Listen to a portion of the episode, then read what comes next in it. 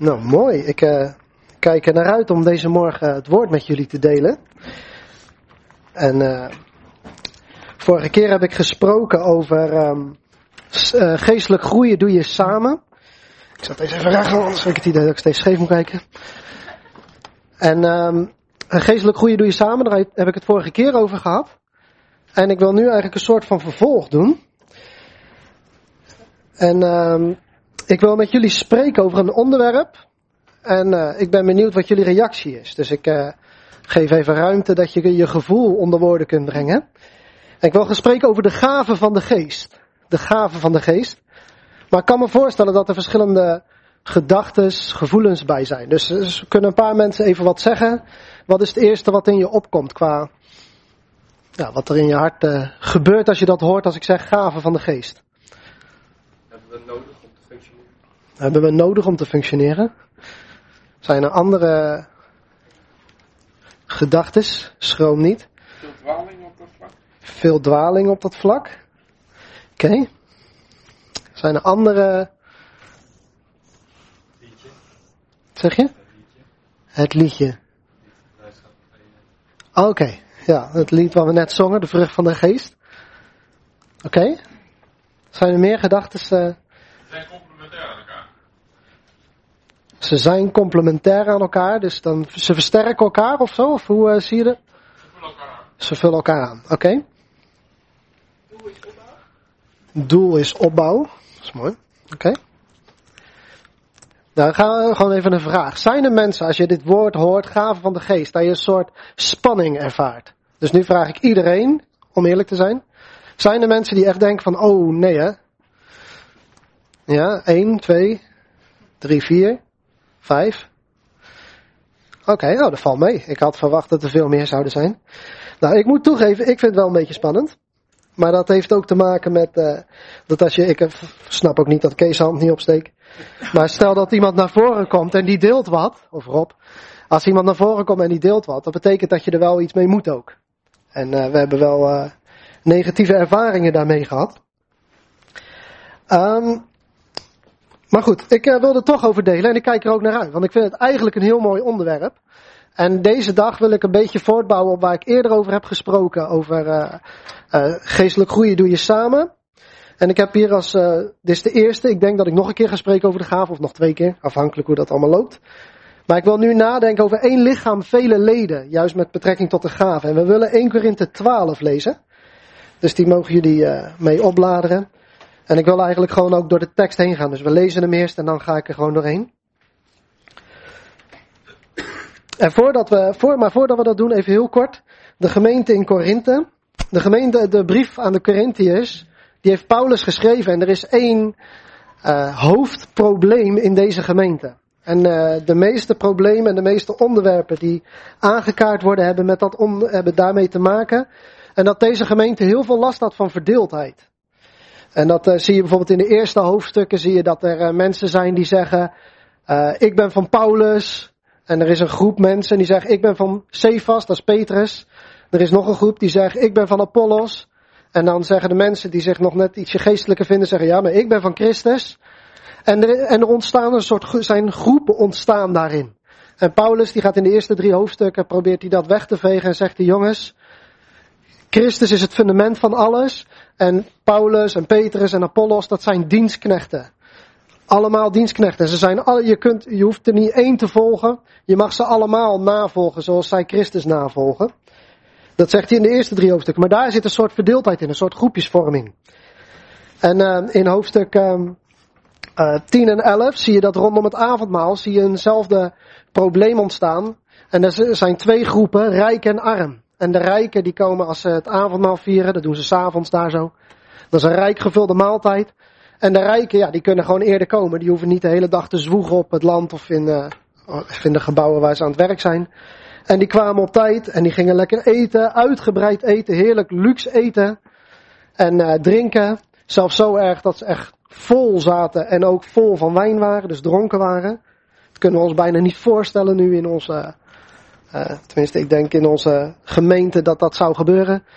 Maar dat gebeurde daar zo. En dan later kwamen de armen. En dan was er geen eten meer, of bijna geen eten meer. Was er geen drinken meer. Dus de een die was vol en verzadigd en de ander was hongerig. En dat vonden ze prima, een soort van prima. En Paulus die spreekt dat aan en die zegt, jongens, dat kan niet. Dat is verdeeldheid en dat moet opgelost worden. En als het gaat over de gaven, van hoofdstuk 12 tot en met 14, zie je dat er ook verdeeldheid is. En dan zie je een verdeeldheid dat er een aantal zijn die spreken in talen.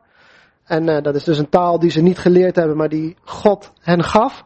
En dat dat een soort verhoogd werd. Oh, daar heb je de broeders en de zusters. Die zijn, die zijn geestelijk, want die spreken in andere talen. En hier, ja, dit zijn niet echt geestelijke broeders en zusters, want zij hebben dat niet. En er werd daar verdeeldheid in gemaakt.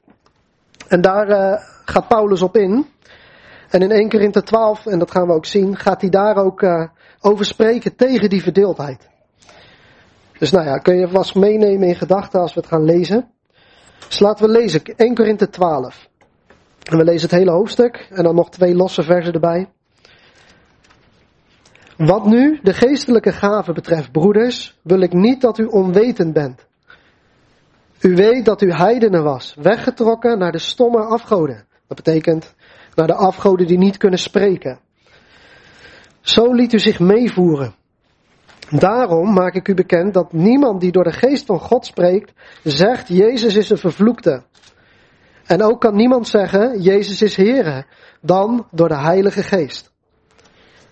Er is verscheidenheid van genadegaven, maar het is dezelfde geest. Er is verscheidenheid van bedieningen, maar het is dezelfde Heere.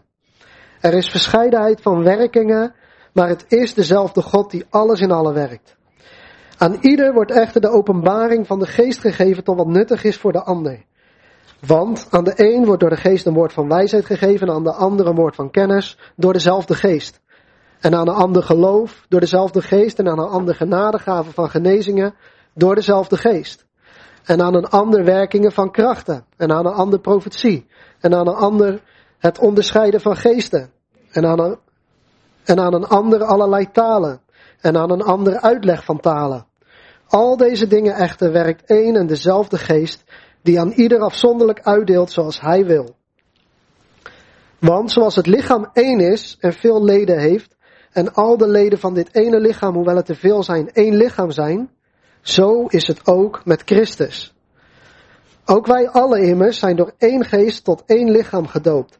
Het zij dat wij Joden zijn, het zij Grieken, het zij slaven, het zij vrije, en wij zijn alle van één geest doordrenkt. Dat kan ook betekenen, wij, hebben alle van één geest gedronken. Want ook het lichaam bestaat niet uit één lid, maar uit vele. Als de voet zou zeggen, omdat ik geen hand ben, ben ik niet van het lichaam, is hij daarom niet van het lichaam?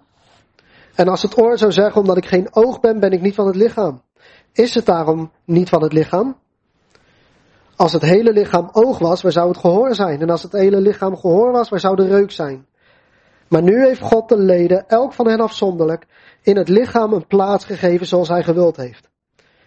Als zij alle één lid waren, waar zou het lichaam zijn?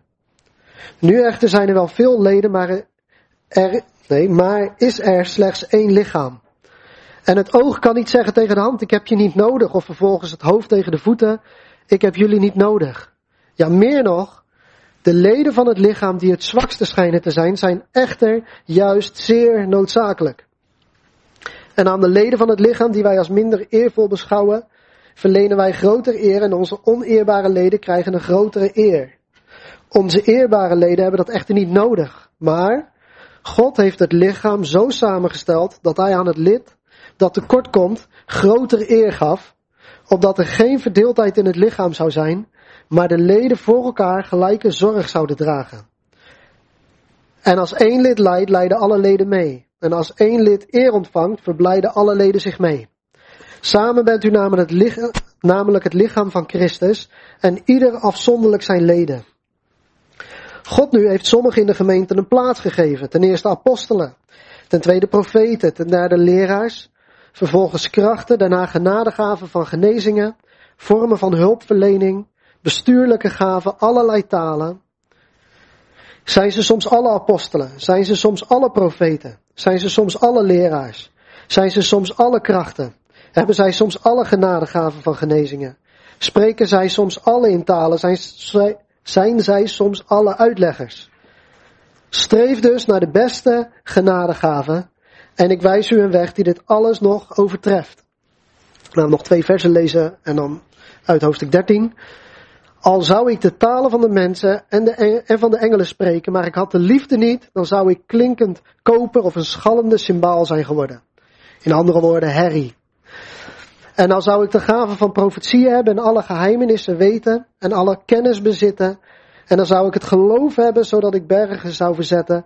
Maar ik had de liefde niet, dan was ik niets. Nog één vers, hoofdstuk 14, vers 1. Jaag de liefde na en streef naar de geestelijke gaven. En vooral daarna dat u mag profiteren. Tot zover. Nou, zoals jullie zien is het een lange tekst. Dus ik zou lekker gaan zitten. En ik weet niet, ja, ik vond het zelf achterin heel erg warm. Maar misschien dat jullie geen last hebben ervan. Maar wat mij betreft kunnen de raampjes die nog niet openstaan open. Of een deur, maar voel je in ieder geval vrij om even drinken te pakken of zo. Want het wordt een lange zit. Nee, ik heb, uh, ik heb hier mijn mobiel, uh, die uh, houdt de tijd bij. Dus als het goed is, gaan we niet het heel lang maken. Maar lang genoeg dat we er wel iets uit kunnen halen. Nou, we hebben, we hebben 1 Korinthe 12 gelezen. 1 Korinthe 12 gaat over de gaven van de geest. En het gaat, en Paulus begint ook wat nu de geestelijke gaven betreft. En dan gaat hij uitleg geven over de gaven van de geest.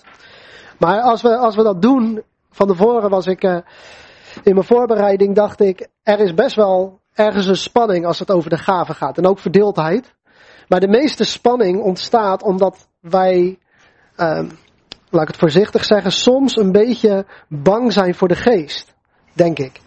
In ieder geval, ik merk dat bij mezelf. De ene kant verlang ik, maar de andere kant eh, voelt het een soort aan of lijkt het soms een soort ongrijpbaar of zo. Zeg maar, de vader, eh, dat kunnen we nog iets wel bij voorstellen en een soort ja, standvastig en veiligheid. En bij de Heer Jezus, nou die is voor ons gestorven, die heeft ons lief. Maar als het dan over de Heilige Geest gaat, dan worden we een soort gespannen. Terwijl als je de Bijbel leest, zie je dat de Heilige Geest in het midden van de gemeente een ongelooflijk belangrijke plek heeft. En dat zie je hier ook. Als je in vers 2 kijkt. U weet dat u heidenen was. Dat betekent eh, niet Joden. Maar in die tijd betekende dat ook dat je afgoden diende. U weet dat u heidenen was, weggetrokken naar de niet sprekende afgoden. En zo liet u zich meevoeren. En dit, dit gold voor de Corinthiërs. Het grootste gedeelte van die gemeente diende afgoden voordat ze het evangelie hoorden. Voordat ze de Heer Jezus leerden kennen. En uh, deze afgoden, die uh, spraken niet. Maar die hadden wel, um, en dat weten we ook vanuit die tijd, die hadden, um, oh, welk woord is dat nou ook weer? Niet mediums, maar uh, orakels. Orakels. En uh, dat, dat waren mannen, maar meestal vrouwen, maar soms ook mannen, die in die tempel uh, aanwezig waren en die dag en nacht bezig waren om die afgod te dienen. Maar ook die waren zo één geworden met die afgoden dat ze echt, in onze beleving zouden we zeggen, ze waren bezeten van die demonen die erachter zitten. En zij spraken soms ook namens die afgoden. En als zij spraken, als het dan over de Heer Jezus ging, nou, dan weet je wat ze zeggen. Dat staat in vers 3. Dan maak ik u bekend dat niemand door de geest van, die door de geest van God spreekt, zegt, Jezus is een vervloekte. En er werden in die tijd heel veel vloeken uitgesproken en mensen werden vervloekt. En blijkbaar spreekt Paulus ook over die uh, orakels en geeft hij aan, jongens, als iemand zoiets zegt, dan weet je zeker dat het niet de Heilige Geest is, de Geest van God. En voor ons is dat logisch, maar voor uh, deze gelovigen bracht het een, op een of andere manier in verwarring. Maar dan zegt hij iets moois. En ik, ik, eh, dit moet je echt pakken. Deze morgen, als je deze zin pakt, dan heb, je al, heb ik al een van mijn doelen bereikt. Is dat uh, de, de rest van vers 3. Ook kan niemand zeggen, Jezus is Heere, dan door de Heilige Geest. Dat betekent als jij hier bent en jij ziet Jezus als jouw Heer, jij gelooft dat Jezus Heer is, dan komt dat niet omdat jij dat zelf zo geweldig hebt bedacht, dan komt dat doordat de Heilige Geest dat gegeven heeft. De Heilige Geest is degene die dat in jou bewerkt, die dat in jou doet, die dat heeft laten zien. Niemand kan zeggen en het ook menen, Jezus is Heer dan door de Heilige Geest. En als we spreken over de Heilige Geest, dan is het dus ook, hoeven we niet bang te zijn van de Heilige Geest, want als wij gelovigen zijn in Jezus, verlangen we dat Jezus verheerlijkt wordt. Toch? Wij verlangen ernaar dat Jezus geëerd wordt. En wat is het primaire werk van de Heilige Geest, is dat hij Jezus gaat verheerlijken. En als we het over de gaven van de geest hebben, als de Heilige Geest altijd Jezus wil verheerlijken, en de Heilige Geest geeft gaven, wat gaan deze gaven dan doen? Deze gaven gaan dan Jezus verheerlijken. Dat is de bedoeling. En dan kunnen we ook gelijk zien, is het een gave of niet? Als hier iemand iets gaat zeggen, ooit voor op het podium of in een gesprek, wat ervoor zorgt dat Jezus naam door, de, door het slijk heen gehaald wordt, weet je met zekerheid dat het niet de geest van God is. En weet je met zekerheid dat het niet een gave is van de geest. Maar als hier iemand gaat staan en met heel veel zwakte misschien wel iets deelt en Jezus wordt daardoor verheerlijkt, dan mag je weten, hé, de Heilige Geest is op een of andere manier hier aan het werk. Want niemand kan zeggen Jezus is Heer en Jezus verheerlijken dan door de Heilige Geest. En dat zegt Jezus zelf ook in Johannes 14, eh, ik weet even niet welk vers. Maar dan zegt hij, uh, wanneer, of hoofdstuk 16. Even twee, wacht voor. Ik wil wel, als ik, uh, dat zeg ik wel vaker, als ik dingen quote, wil ik wel het juiste vers quoten. Ja, vers, uh, hoofdstuk 16, vers 14. Over de Heilige Geest zegt Jezus, die zal mij verheerlijken. De Heilige Geest is dus gekomen om Jezus te verheerlijken. Nou, ik hoop dat je daar warm van wordt en dat je zegt, oké, maar als de gaven dat doen, dan wil ik ze wel. Als het Jezus verheerlijkt. En dan gaat de tekst verder en dan uh, wordt uh, in vers 4 tot 6 komt eigenlijk de hele drie eenheid aan bod. Lees me mee. Vers 4, er is verscheidenheid van genadegaven, maar het is dezelfde geest. Er is verscheidenheid van bedieningen en het is dezelfde Here. En in het Nieuwe Testament zien we dat het woord Here soms voor de Vader en soms voor de Geest gebruikt wordt, maar meestal wordt dit voor Jezus gebruikt. Zie je zien we de Heer Jezus, de Geest, we zien de Heer Jezus. En dan vers 6, er is verscheidenheid van werkingen, maar het is dezelfde God die alles in alle werkt. En soms wordt in het Nieuwe Testament Jezus God genoemd, soms de Geest, maar het meeste als het over God gaat, wordt over de Vader genoemd. En hier zien we dus de hele drie eenheid is aan het werk in deze gemeente in Korinthe. En ik durf wel te stellen, ook in onze gemeente. De geest van, of de, de Vader, de Zoon en de Heilige Geest, alle drie werken ze in ons midden. Bouwen ze de gemeente op, versterken ze de gemeente. En dat is mooi, dat is krachtig. De hele drie eenheid is betrokken bij de bouw uh, van de gemeente. En ik hoop dat dat ook angst wegneemt. Ik, ik, soms dan, het, het doen me soms wel eens verdriet, zeg maar. Ook dat we zo bang zijn voor de God die we eigenlijk lief hebben. En we zijn bang omdat we heel vaak zelf de controle wilden houden. We willen dat het lekker veilig is. Dat het precies in ons straatje past. Terwijl God, als God werkt, dan gebeuren de dingen die misschien uh, anders zijn dan je gewend bent. Die misschien soms een beetje spannend zijn. En tegelijkertijd verheerlijkt het Jezus Christus. Tegelijkertijd bouwt het de gemeente op. En ik hoop dat we echt, dat we dat gaan pakken deze morgen. Dat we gaan danken. Heren, dank u wel dat u door de gave van de geest wil werken door ons heen. Dat is echt mijn verlangen.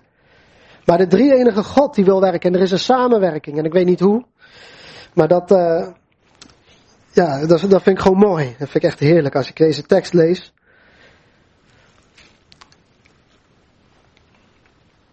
Ja, laten we lezen vers 7. En dan gaat uh, Paulus verder echt over de gaven spreken. Vers 7 tot en met vers 11. Aan ieder, aan ieder, dus iedere gelovige, iedere persoon die echt een volgeling van Jezus is, die een christen is. Aan ieder echter wordt de openbaring van de geest gegeven tot wat nuttig is voor de ander. Want aan de een wordt door de geest een woord van wijsheid gegeven, en aan de ander een woord van kennis door dezelfde geest. En aan de ander geloof door dezelfde geest, aan de genadegaven van genezingen door dezelfde geest, en aan de ander werkingen van krachten, aan de ander profetie, aan de ander het onderscheiden van geesten, en aan de ander allerlei talen, en aan een ander uitleg van talen. Al deze dingen, al deze gaven, werkt één en dezelfde geest die aan ieder afzonderlijk uitdeelt zoals hij wil. Maar ik wil in de eerste plaats even de nadruk leggen op vers 7. Aan ieder, aan ieder, dus iedere gelovige, wordt de openbaring van de geest gegeven. Dat zijn de gaven van de geest, worden gaven gegeven. Maar waarvoor? Tot wat nuttig is voor de ander. Tot wat nuttig is. Wat, dit, dit betekent dus, als de geest gaven geeft, En we gaan steeds een stapje verder. Maar als de geest gaven geeft, dan zijn die gaven daar om de gemeente op te bouwen. Oké, wat gebeurt er dan als wij zeggen wij willen de gaven niet hebben? Wij vinden het te spannend, er is te veel misbruik. Er, is, er wordt op een foute manier mee omgegaan. Als wij het dan gaan blokkeren, de vraag is, hoe, in welke mate wordt de gemeente dan nog opgebouwd? Dat is denk ik een logische gedachte. Als aan ieder wordt de openbaring van de geest gegeven tot wat nuttig is voor de ander. Als we zeggen, nou we hoeven het niet, of we hoeven de helft niet. Dan is er dus minder ruimte dat de gemeente opgebouwd wordt. Nou, mijn verlangen is dat wij opgebouwd worden. Dat wij versterkt worden. En niet alleen wij, maar dat de volle lichaam, alle ware gelovigen, dat die opgebouwd worden. Maar daarvoor hebben we het nodig dat de geest werkt met gaven. Dus dat is belangrijk. En aan ieder, maar daar kom ik zo meteen op terug. God wil iedereen gebruiken. Ook hier zoals je de kinderen, de jongeren, mannen, vrouwen. De geest wil iedereen gebruiken hier tot opbouw van de gemeente. Niet alleen hier de spreker of uh, leiding van dienst of de muzikanten. Nee, God wil iedereen gebruiken. Dus als je hier zit, maar daar komen we zo meteen nog op terug. Maar als je hier zit en je zegt van ja, maar ik, ik kan niks. Of ik, welke bijdrage heb ik nou? Ik wil je aanmoedigen om een bijdrage te gaan leveren uiteindelijk. Nou, vers 11, ik vind dat ook een mooi vers. Al deze dingen echter werkt één en dezelfde geest, die aan ieder afzonderlijk uitdeelt zoals hij wil.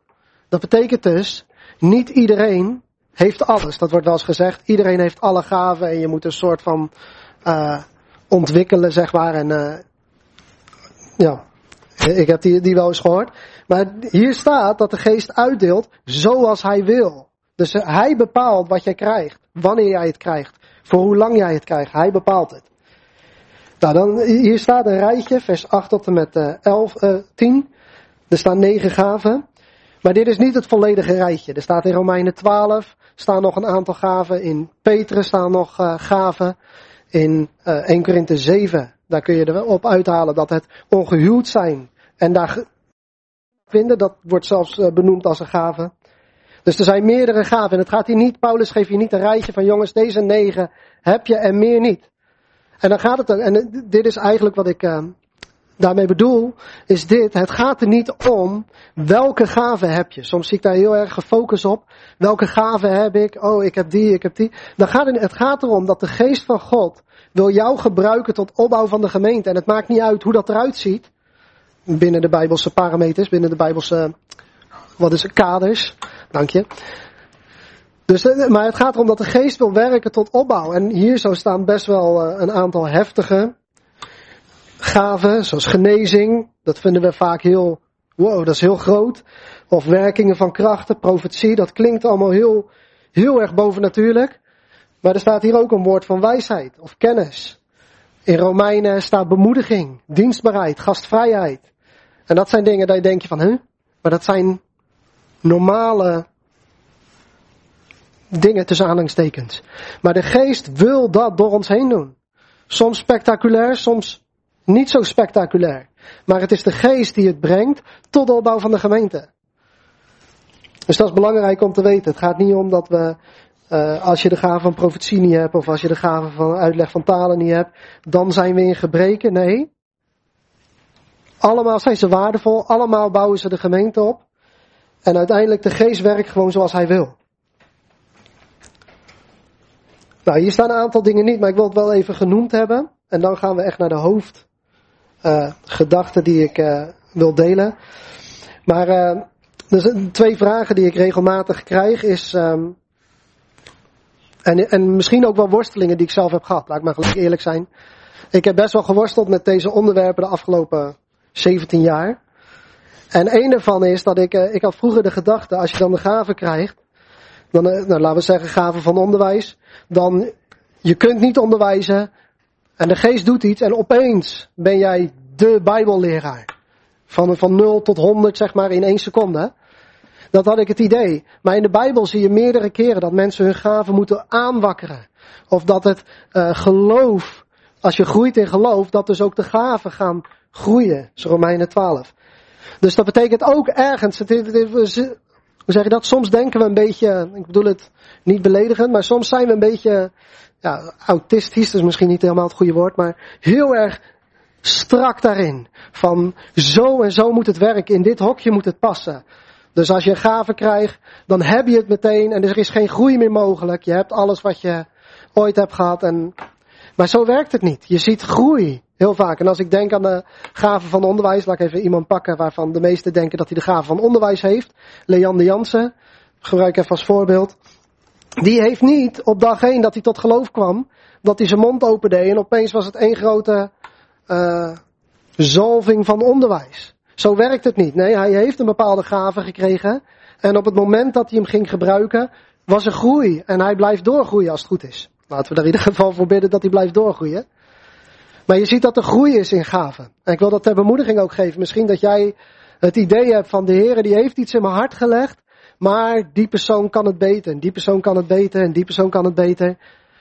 En dus ik ga het niet gebruiken. Nee, dat is niet de bedoeling. Als God iets in jou heeft gelegd, gebruik het.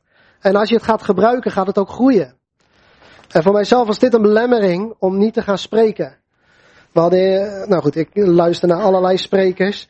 En uh, in die tijd hadden we ook Paul van Engelhoven in de gemeente en die sprak altijd. En die kon het beter dan mij. Ik denk, nou, dan prima, laat hem maar spreken en ik eh, zet wel stoelen klaar. En dat was wat ik deed, terwijl ik wel verlangens had. En dat ik geloof dat de Heer ook die verlangens heeft gegeven. Maar ik gebruikte het niet, omdat ik dacht, ja, maar er zijn mensen veel beter, laat hun het maar doen. En op een bepaald moment, Paul die uh, ging naar Amerika toe, Paul van Engelhoven. En toen kwam er opeens ruimte. En meer nog, ik voelde me bijna verplicht om het te doen, omdat er weinig mensen waren die toen uh, zouden gaan spreken. En terwijl ik ermee bezig was, ben ik erin gegroeid. ik zeg niet dat ik nu uh, volmaakt ben. Maar jullie weten dat dat niet zo is. Jullie horen nu dat het niet zo is. Maar er zit wel groei in. Ik heb, een tijdje geleden heb ik een van mijn eerste preken geluisterd.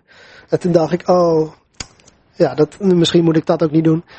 Maar dat, uh, toen dacht ik, ik was nog warriger dan dat ik nu was.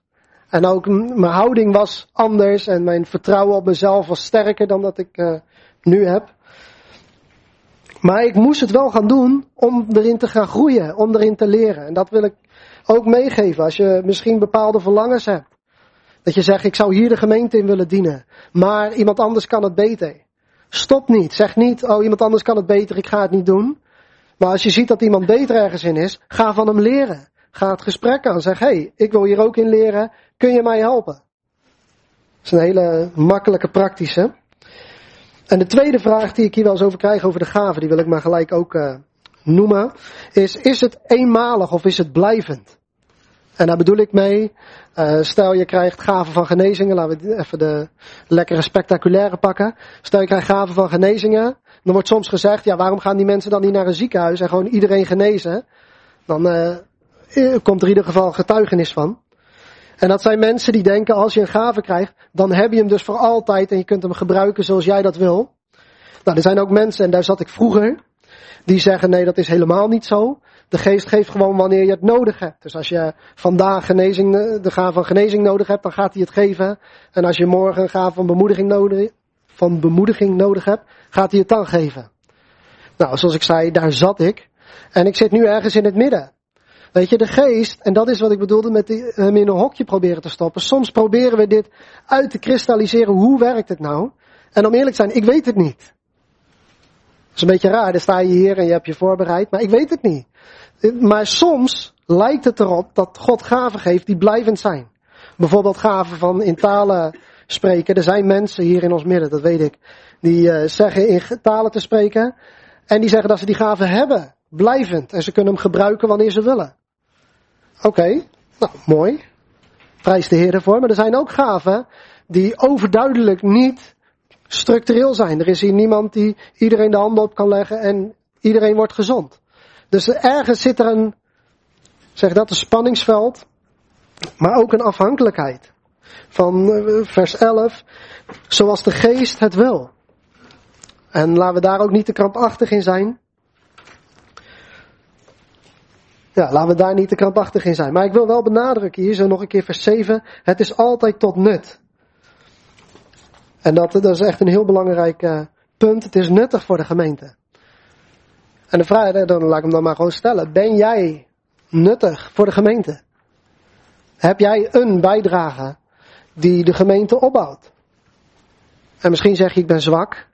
Oké, daar gaan we zo op uh, terugkomen. Maar laat die vraag wel vast een beetje in je gedachten. ja, laat die een beetje rondgaan. Ben ik nuttig voor de gemeente? Nou, kun je nog een beetje volgen? Ik, uh, ik heb een migraineaanval, dus ik ben iets minder gestructureerd of logisch, merk ik, dan normaal.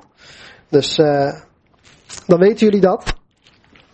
Maar nu komt het gedeelte en nu ook degenen die de gaven spannend vinden, kunnen nu even rustig ademen. Dus uh, ik hoop dat het nog allemaal goed gaat. Maar laten we vers 12 tot met vers 14 lezen. Want nu gaat het echt over het lichaam. En nu gaan we het hebben over ons, zoals we hier zitten. Dus zijn gaven, we hebben nagedacht tot nu toe over Jezus, wordt verheerlijkt door de geest. Wanneer de geest werkt, wordt Jezus altijd verheerlijkt. We hebben erover nagedacht dat de geest altijd tot opbouw is. En dat de geest uitdeelt zoals hij dat wil. Dus die drie, dat zijn uh, drie punten die ik al uh, in jullie gedachten heb willen leggen. En dan gaan we nu naar het lichaam toe, naar de gemeente toe. Vers 12. Want zoals het lichaam één is en veel leden heeft. En al de leden van dit ene lichaam, hoewel het te veel zijn, één lichaam zijn. Zo is het ook met Christus. Ook wij alle immers zijn door één geest tot één lichaam gedoopt. Het zij dat wij Joden zijn, het zij Grieken, het zij slaven, het zij vrije. En wij zijn alle van één geest doordrenkt. Want ook het lichaam bestaat niet uit één lid, maar uit velen. Even tot zover. En hier zien we twee gedachten. Ja, wel meerdere, maar in ieder geval twee gedachten. En dat is de eerste. En of je het nou leuk vindt of niet. Ik zei er van tevoren tegen Kees. Of je het nou leuk vindt of niet. Als jij een gelovige bent en ik ben een gelovige. Dan zijn we één. Dan horen we bij elkaar. We zijn familie, geestelijke familie. Maar we horen bij elkaar. En soms wordt het wel eens gezegd, hè, van, uh, ook als je naar onze gemeente kijkt, we hebben nogal veel verschillende visies, achtergronden, uh, culturen, kerkstromingen waar we uitkomen. En al die dingen lijken een verdeeldheid te creëren soms. En dan zeggen mensen, oh, je hebt echt een verdeelde gemeente, maar dat is niet waar. Bijbels gezien is dat niet waar. Waarom? We hebben dezelfde Heilige Geest ontvangen en daardoor zijn wij één. Jezus Christus heeft zijn bloed gegeven om ons te vergeven en ons de geest te geven. En daarin ligt onze eenheid. Wij zijn één. In onze gedachten niet altijd en we gaan niet altijd zo met elkaar om. Maar dat is wel, dat is waar het begint. De geest woont in jou, de geest woont in mij. Dus zijn we één. Of ik nou wil of niet. Misschien mag je mij helemaal niet. Misschien zit je hier zo en heb je veel moeite met mij. Nou, prijs de Heer nog steeds. Jij bent één met mij en we moeten elkaar lief hebben. Misschien heb ik wel moeite met sommigen van jullie. En wie ga ik er aankijken dan? Hè? Dat is altijd lastig. Ga ik even Tobias, dat is makkelijk. Misschien heb ik, nee. Maar misschien heb ik wel moeite met een van jullie. Ik heb geen moeite met Tobias trouwens, dat weet hij ook. Andersom wel. Maar daarom is het goed dat je een beetje leert uh, liefhebben. Nee, maar we zijn één, of we nou willen of niet. Weet je, of je nou uh, Calvinist of Arminiaan bent, je bent één. Of je nou uh, wel of geen hoofddoek draagt, je bent één. Of je nou wel of niet met je handen in de lucht staat, we zijn één. Onze eenheid bestaat niet in dat soort dingen. Onze eenheid bestaat in het feit dat de Heilige Geest in ons woont. En die heeft ons samengevoegd. We zijn één lichaam. Het zijn Joden, het zijn Grieken, het zijn vrije, het zijn slaven. En een heleboel andere verschillen die er kunnen zijn. Maar we zijn één, want we hebben één lichaam of één geest ontvangen. We zijn dus één lichaam. Maar vers 14 zegt ook dat we wel bestaan uit vele leden. Dus we zijn één lichaam, maar we zijn ongelooflijk verschillend. Nou, ik denk dat we daar een amen op kunnen zeggen.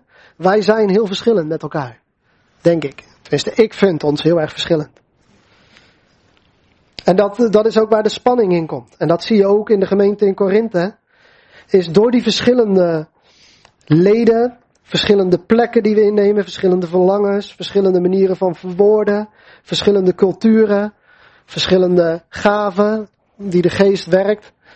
Al die, al die verschillen, die maken dat er ook spanning ontstaat. Nou, een van de spanningen. Vers 15.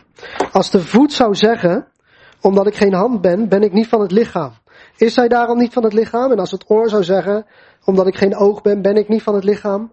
Is die daarom niet van het lichaam? Nou, zo uh, gaat hij verder tot vers 20, om de hele tijd te laten zien dat wij één lichaam zijn. Losse leden, één lichaam. Maar het probleem in de gemeente in Korinthe was dus dat er bepaalde mensen waren die ongeveer dit zeiden, dat de voet tegen de hand zegt, ik, ik, ik, ben niet van het, ik ben niet van het lichaam, want ik ben geen hand. Weet je, stel je voor, probeer het niet al te letterlijk te nemen. Maar stel mijn voeten, die zouden, zeggen, die zouden echt zeggen, of kijken naar mijn hand en denken, hé, hey, mijn Wijnandse hand, ja, daarmee raakt hij dingen aan. Daarmee geeft hij mensen handen, daarmee begroet hij, daarmee werkt hij. Die handen van Wijnand, die zijn ongelooflijk nuttig voor Wijnand. Ja, en wij zijn maar voeten. Weet je, het enige wat wij doen is een beetje zijn gewicht proberen te tillen. Maar dat is eigenlijk het enige nut. Ja, weet je, eigenlijk doe ik er niet toe. Eigenlijk hoor ik niet echt bij Wijnand. Weet je, nou, heel vaak die schoenen aan, dus ze zien me nog ineens. Jongen, jongen, ja, weet je, ik, wie ben ik nou? Dat is de houding van sommige mensen in de gemeente in Korinthe. Die keken naar de anderen en die zagen, zo, dat is echt een krachtige evangelist. En dat is iemand die is echt, onderwijs vloeit vloeiend van zijn lippen af. En dat is iemand, oh, dat is, die kan echt bemoedigen, maar wat kan ik nou? En dit hoor ik ook in de gemeente. Dus ik gooi hem even met twee uh, gestrekte benen er doorheen. Dit hoor ik regelmatig in de gemeente. Mensen die naar zichzelf kijken en zeggen, welk nut heb ik nou? Ja, ik zit er wel, maar ik kan, ja, ik kan eigenlijk niks. Ik ben te slecht, ik ben dit en dat. En uh, weet je wat dat is? Dat is, dat is een leugen. Dat is echt waar, dat is een leugen. Dat is een leugen van Satan. Satan, wat Satan wil, is dat wij een ongezonde gemeente zijn. Hij wil dat de mensen zijn hier zo die zeggen, ik hoor er niet echt bij. Ik ben niet nuttig, ik ben nutteloos. En dat ze dan langzaamaan naar de buitenkant van de gemeente gaan drijven en uiteindelijk de gemeente uitgaan. En komen ze in een andere gemeente terecht en daar denken ze precies hetzelfde, want daar zitten ook mensen met een geweldige bekwaamheid. In ieder geval in hun beleving. En ergens voelen ze zich ja, niet goed genoeg. Weet je, ja, ik, ik dien nergens voor. Maar luister dan naar vers 22. Ja, meer nog, de leden van het lichaam, die het zwakste schijnen te zijn, zijn echter juist zeer noodzakelijk. Als jij hier zit en jij voelt je nutteloos als christen. Ja, ik heb de geest wel ontvangen, maar ik ben nutteloos. Die nergens voor. Werp die leugen van je af, want de Bijbel zegt, je bent zeer noodzakelijk.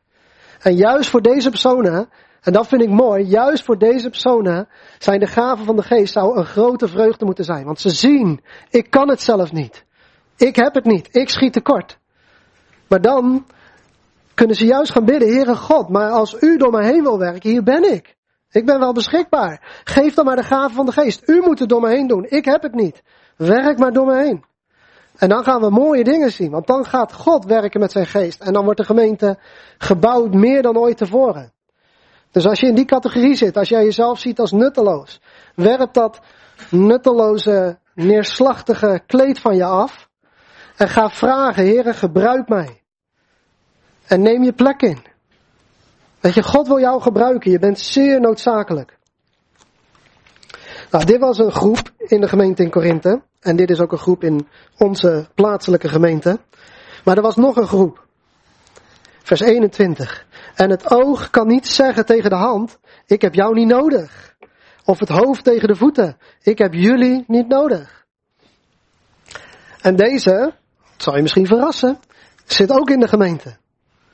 Mensen die denken, oké, okay, ik zelf, ik bouw de gemeente wel even. Ik zal het wel doen. Weet je, laat mij maar hier op het podium staan. Of laat mij maar op de bidstonden de meeste tijd bidden. Want ik bouw de gemeente wel op. En als jullie naar mij luisteren, dan komt het wel goed. Of de iets minder heftige variant. Oké, ik wil prima opgebouwd worden. Maar als die persoon gaat spreken. Of als die persoon een getuigenis deelt. Of als die persoon bidt. Nou, dat is niet voor mij. Dan trek ik me wel even terug. Weet je, daardoor ga ik niet opgebouwd worden. Dat is gewoon een vorm van hoogmoed. Dat is een kleed van hoogmoed, zo je wil. En dan, wat, wat, wat ervoor zorgt, is dat je niet meer opgebouwd kunt worden door de gemeente. Niet door de hele gemeente. Ja, misschien dat ik door Rob opgebouwd wil worden. Maar zeker niet door Kees. Nee, want Kees die zit er helemaal naast, weet je. Die is theologisch, heeft hij het wel eens mis. En hij, uh, zijn karakter is dit en uh, weet ik veel, zoiets. En dus, dus ik ga niet naar hem luisteren. En als hij luistert, oh, het zal wel weer. Weet je wel, nou, ik kan ondertussen wel op mijn mobiel kijken. En uh, Als die klaar is, dan ga ik wel weer opletten. Wat je dan doet, is dat je jezelf uh, afsluit. Eigenlijk voor de geest die ook door Kees wil werken. Ik pak je even als voorbeeld Kees, dus dat mag wel. Maar dat, is, en dat is echt heel belangrijk. En ik denk persoonlijk voor ons als Nederlanders, is dit een hele, hele grote. Weet je, als één ding uh, de coronamaatregelen ons geleerd hebben, is dat heel veel mensen, en ik bedoel dat niet om te roddelen of kwaadspreken of te zeggen van, oh wat een waardeloze gasten. Maar heel veel christenen, die zitten nu ruim een jaar thuis en hebben geen samenkomsten gehad en vonden het prima. Ik heb best wel veel mensen gesproken die normaal naar de kerk gingen, of naar de samenkomsten van de kerk gingen en die, uh, uh, voor zover we kunnen zien, echt wel met de Heer willen wandelen, maar die niet meer samenkwamen met broeders en zusters. En wat, wat laat dat zien? Dat laat zien dat zij denken dat ze genoeg hebben aan een preek. Maar de, en de rest van de broeders en zusters heb ik niet nodig. Zolang ik maar een Jacques Brun, Leander Jansen of nou ja, vul in welke spreker je ook luistert. Weet je, dat, dat is heel ongezond. Je zegt daarmee, ik heb het lichaam niet nodig. Ik heb wel de mond nodig, de sprekers, maar ik heb niet de handen nodig. Ik heb niet de voeten nodig. Ik heb niet nou ja, welke organen of lichaamsdelen dan ook nodig. En dat is heel ongezond. Dat is echt ongezond. En als je daar zit, weet je welke je vragen, bekeer je ervan. Dat is echt, dat is echt een foute gedachte. En de geest krijgt minder ruimte om aan jou te sleutelen. Om jou te bemoedigen, jou te versterken, jou op te bouwen. Als je je afsluit voor het lichaam. Maar het tegenovergestelde, wij hebben elkaar heel hard nodig. En dit is, ik denk dat deze zonde, die, hier zou ik echt de neiging toe hebben. Waar het niet dat ik een beetje zwak ben en regelmatig ontmoedigd ben. Maar ik heb jullie echt nodig. En het mooie, jullie hebben mij nodig. En we hebben elkaar nodig. Maar ik heb jullie echt nodig. En als ik hier een maand niet ben, dan hoop ik van harte dat de mensen achter me aanjagen en me terugtrekken. Desnoods aan mijn haren. Want ik heb het nodig om jullie te ontmoeten. En ik heb het nodig dat jullie mij bemoedigen, versterken, vermanen, aanscherpen. Dat jullie een woord delen als ik het nodig heb of wijsheid geven. En dit geldt voor ieder persoon hier zo. We hebben elkaar nodig. En laten we dan ook niet schamen, want soms dan, um, we hebben bidstonden. Maar soms dan weet ik, er spelen dingen, er zijn noden in je leven. Maar durf je die ook te zeggen? Durf je ook te zeggen? En dat hoeft niet per se hier vooraan, maar op een bidstand. Mensen, ik heb de afgelopen drie maanden voel ik me zo droog als het maar zijn kan. Ik heb het idee dat als ik Bijbel lees of bid, dat het geen enkel effect heeft. En ik verlang dat het verandert. Bid voor mij. Als je dat zegt, dan laat je daarmee zien dat je ook de anderen nodig hebt. En dat wat Jezus in de Bijbel hier zo zegt, door Paulus heen, dat het waar is. Zelfs de zwakke leden schijnen zeer noodzakelijk te zijn. Of degenen die zwak schijnen te zijn, zijn juist echt zeer noodzakelijk. Dus dat is belangrijk. We hebben elkaar nodig. En laten we die twee leugens, valse nederigheid neerslachtigheid, ik ben waardeloos, ik ben slecht. Laten we die afwerpen, maar ook, ik heb jullie niet nodig. Ik kan zelf wel een geestelijke wandel opbouwen met de Heer. Zo'n leugen, werp hem af. En dan gaat hij verder en dan gaat hij naar het doel toe van de gave van de geest. Want God geeft in vers 23 en 24 grotere eer aan de leden die tekortkomen.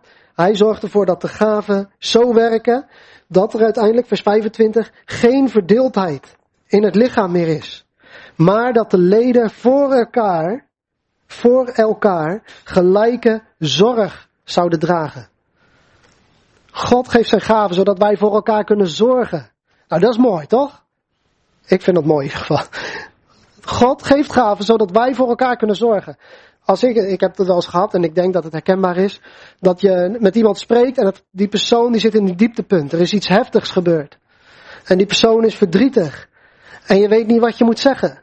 Je weet niet wat je moet doen. Nou, vraag, heren, geef iets ter bemoediging van die persoon. En je zult zien dat de heren ook iets gaat geven. Of stel dat je zelf niet met die persoon spreekt, maar Laten we weer even Kees als voorbeeld nemen. Kees die is ontmoedigd deze week. En eh, dat Paul die gaat naar hem toe en ik weet dat. Dat ik weet, oké, geef aan Paul wat nodig is om Kees te bemoedigen. Help hem, heren, zorg door Paul voor Kees. Is toch mooi dat, eh, dat het lichaam zo gaat werken. En dat staat er ook, als één lid leidt, leiden alle leden mee. En als één lid eer ontvangt, als één lid ja, gebruikt wordt door de heren of wat dan ook, dan verblijden alle leden zich mee.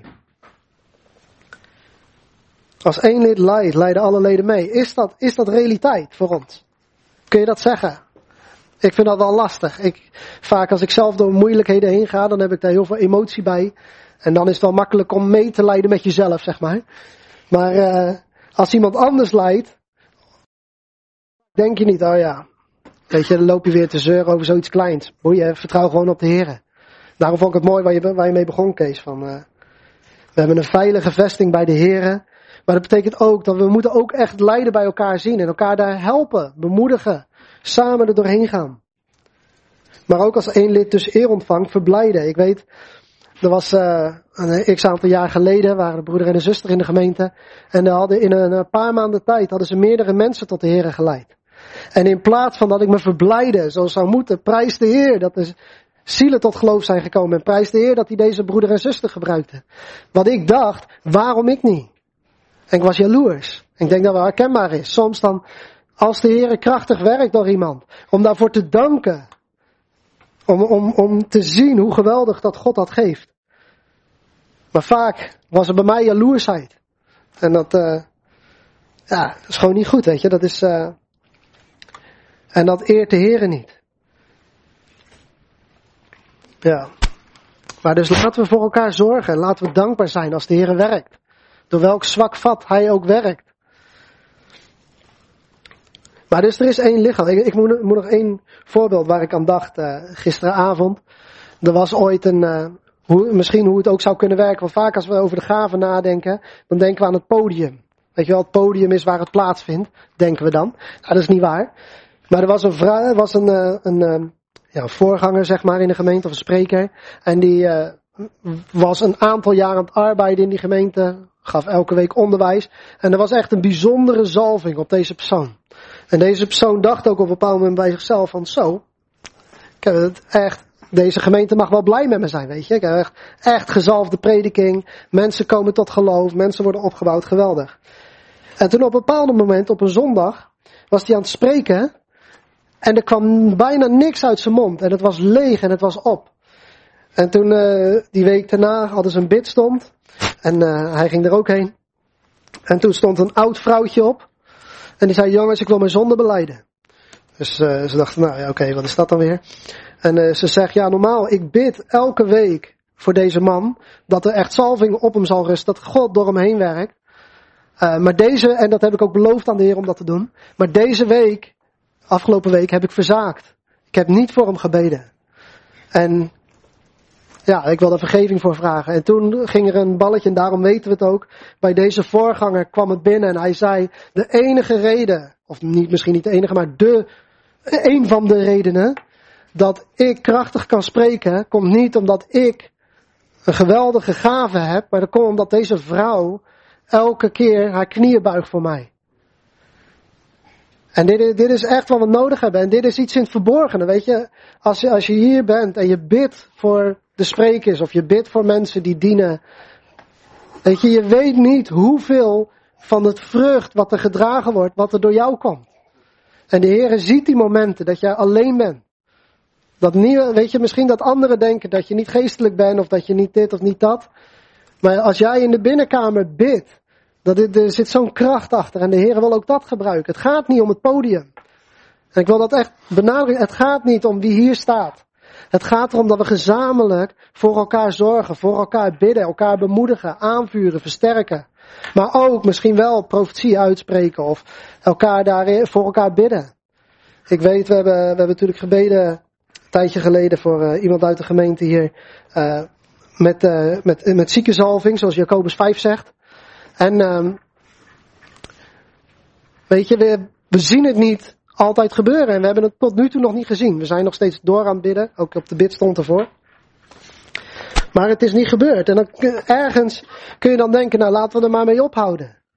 Maar dat is niet de juiste houding. Laten we ermee doorgaan en zeggen, Heere God, maar wij verlangen ernaar om ook dat soort dingen te zien werken.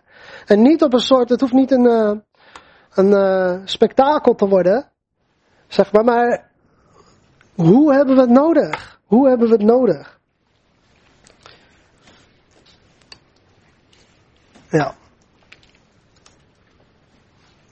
Ik, eh, bijna, ik ga het nog net even doen. Ik zit nu te kijken, ik zit op 50 minuten. Hou jullie nog een klein beetje vol? Of, uh... Ja, een klein beetje, oké. Ehm, verschillende bedieningen, als we, want dan kunnen we mooi dit hoofdstuk uh, ook af, uh, afbehandelen, maar dat is geen goed woord. Maar goed, dan hebben we dit hele hoofdstuk behandeld. Um, vers 28. God nu heeft sommigen in de gemeente een plaats gegeven. En dan heeft hij een heel rijtje met dingen. En ik wil bewust niet ingaan op nou, allerlei vragen over die dingen zelf. Maar dan, en dan zegt hij vers 29. Zijn soms alle apostelen? En dat is een retorische vraag die met nee beantwoord wordt. Zijn soms alle apostelen? Nee, niet allemaal zijn ze apostelen. Zijn ze soms alle profeten? Nee. Zijn ze soms alle leraars? Nee. Zijn ze soms alle krachten? En dan, zo gaat het verder. Tot, vers, uh, tot en met vers 30. En Paulus die legt hier uit, die zegt, jongens, niet iedereen heeft dezelfde plek. En dat moeten we ook zien. Niet iedereen is geroepen om op dezelfde plek te staan of dezelfde bediening te hebben. Of dezelfde gave constant te hebben. Nee, er is een grote verscheidenheid en daar mogen we van genieten.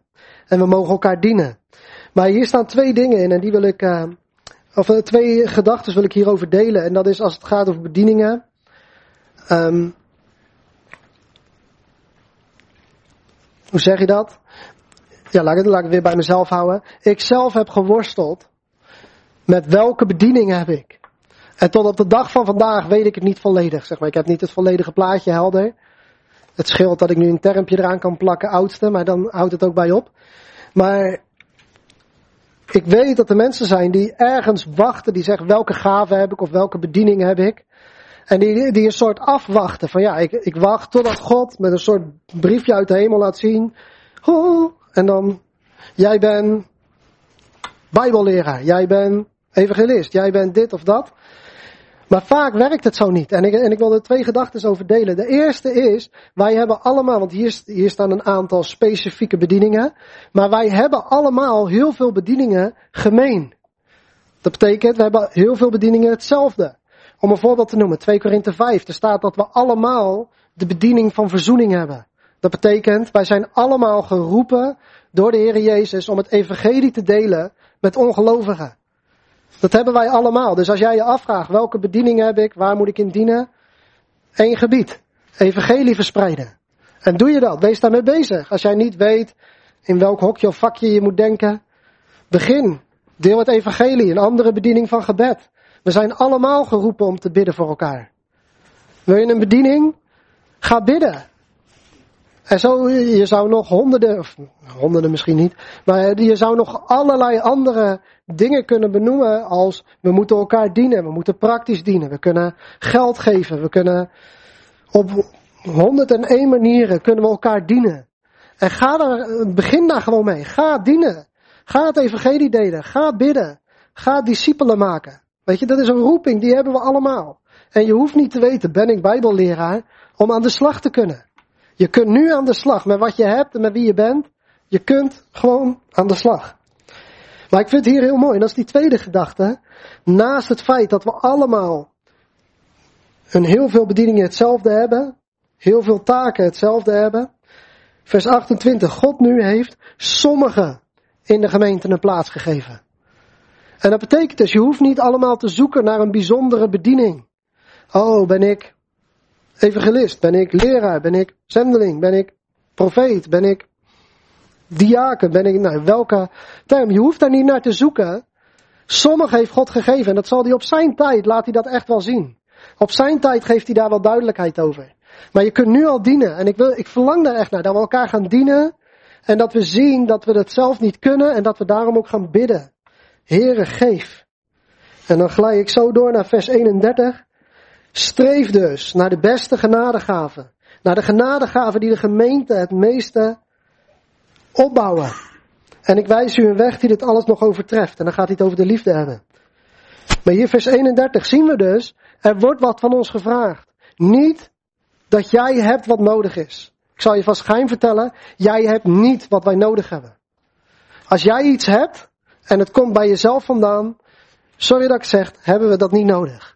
Leg het af. Het is misschien een beetje te zwart-wit. Misschien kun je het wel gebruiken. Maar als het.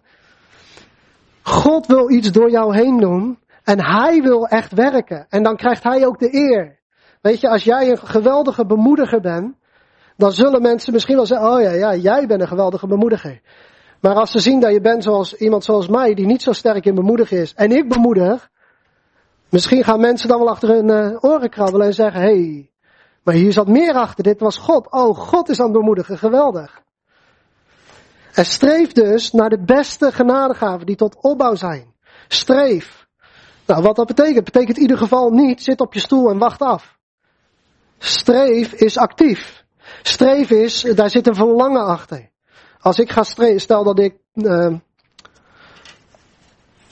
uh, atleet zou willen worden. Ben ik een beetje te laat mee, maar stel ik zou het willen worden. En ik zou er naar streven. Dat is meer dan een zak chips eten achter de bank. Of op de bank. En uh, weet je, dat, dat, is duidelijk geen streven. Nee, streven is, hier ga ik me naar uitstrekken. Hier verlang ik naar. Hier ga ik, um, ja, moeite voor doen. En streef dus naar de beste genadegaven. Nou, de genadegaven komen bij de geest vandaan. En dus streven betekent dat je naar de geest gaat. Dat je in gebed zegt, heren, ik verlang om de gemeente te bouwen. En ik verlang dat al mijn broeders en zusters de gemeente bouwen. Maar we hebben het niet. Kom, werk. O God, werk door uw geest in ons midden.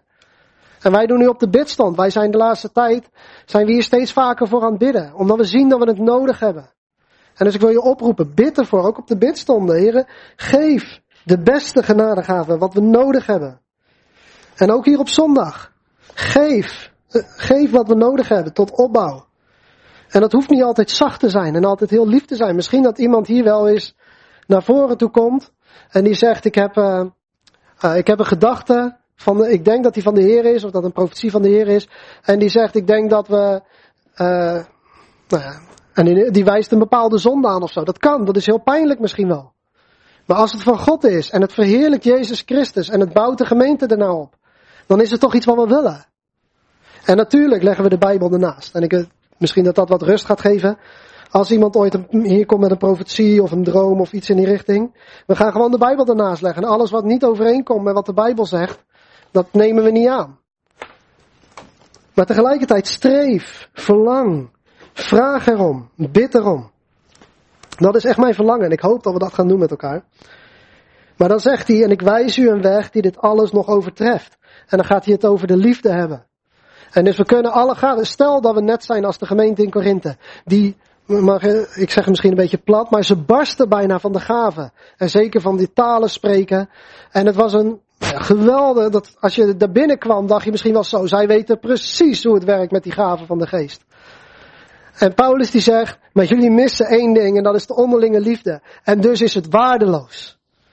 En laten we die, laten we dat fundament hebben. Hebben we elkaar lief? En dat vraag ik mezelf af. Heb ik jullie lief? Heb ik jullie zo lief dat ik bereid ben om offers te brengen? Heb ik jullie zo lief dat ik ook als ik gaven, uh, dat, ja, dat ik echt bid, heren, gebruik mij tot opbouw en gebruik de anderen tot opbouw van dit lichaam. Nou, als jij een nood ziet, misschien dat jij zegt, en je zit hier, nou Wijnand, dit wist ik al, dankjewel. Maar je zegt van, wat kan ik ermee? Nou, stel dat jij zegt, ik verlang hiernaar. En jij ziet een bepaalde nood in de gemeente. Bid er dan voor. En gezamenlijk, laten we er gezamenlijk voor bidden, dat de Heer ook het gaat geven in ons midden. En dat is echt mijn verlangen. En daar uh, wil ik ook voor bidden. Dus ik dank jullie voor jullie geduld tot zover. En ik uh, wil hier nog een keer op terugkomen en dan naar de verdere praktische kant toe. Dus Paulus was hier wat theoretischer, niet helemaal, maar wel iets. Maar in uh, eh, 1 Korinthe 14 gaat hij naar het hele praktische toe. En ik hoop daar nog een keer over te spreken. Dus dan uh, kunnen jullie vast voor mij bidden voor wijsheid. Want dat ga ik nodig hebben. Dus dan. Uh... Maar goed, laten we eerst bidden. En dan sluit ik daarmee dit gedeelte af. Dan geef ik het over aan Kees. Dus laten we bidden.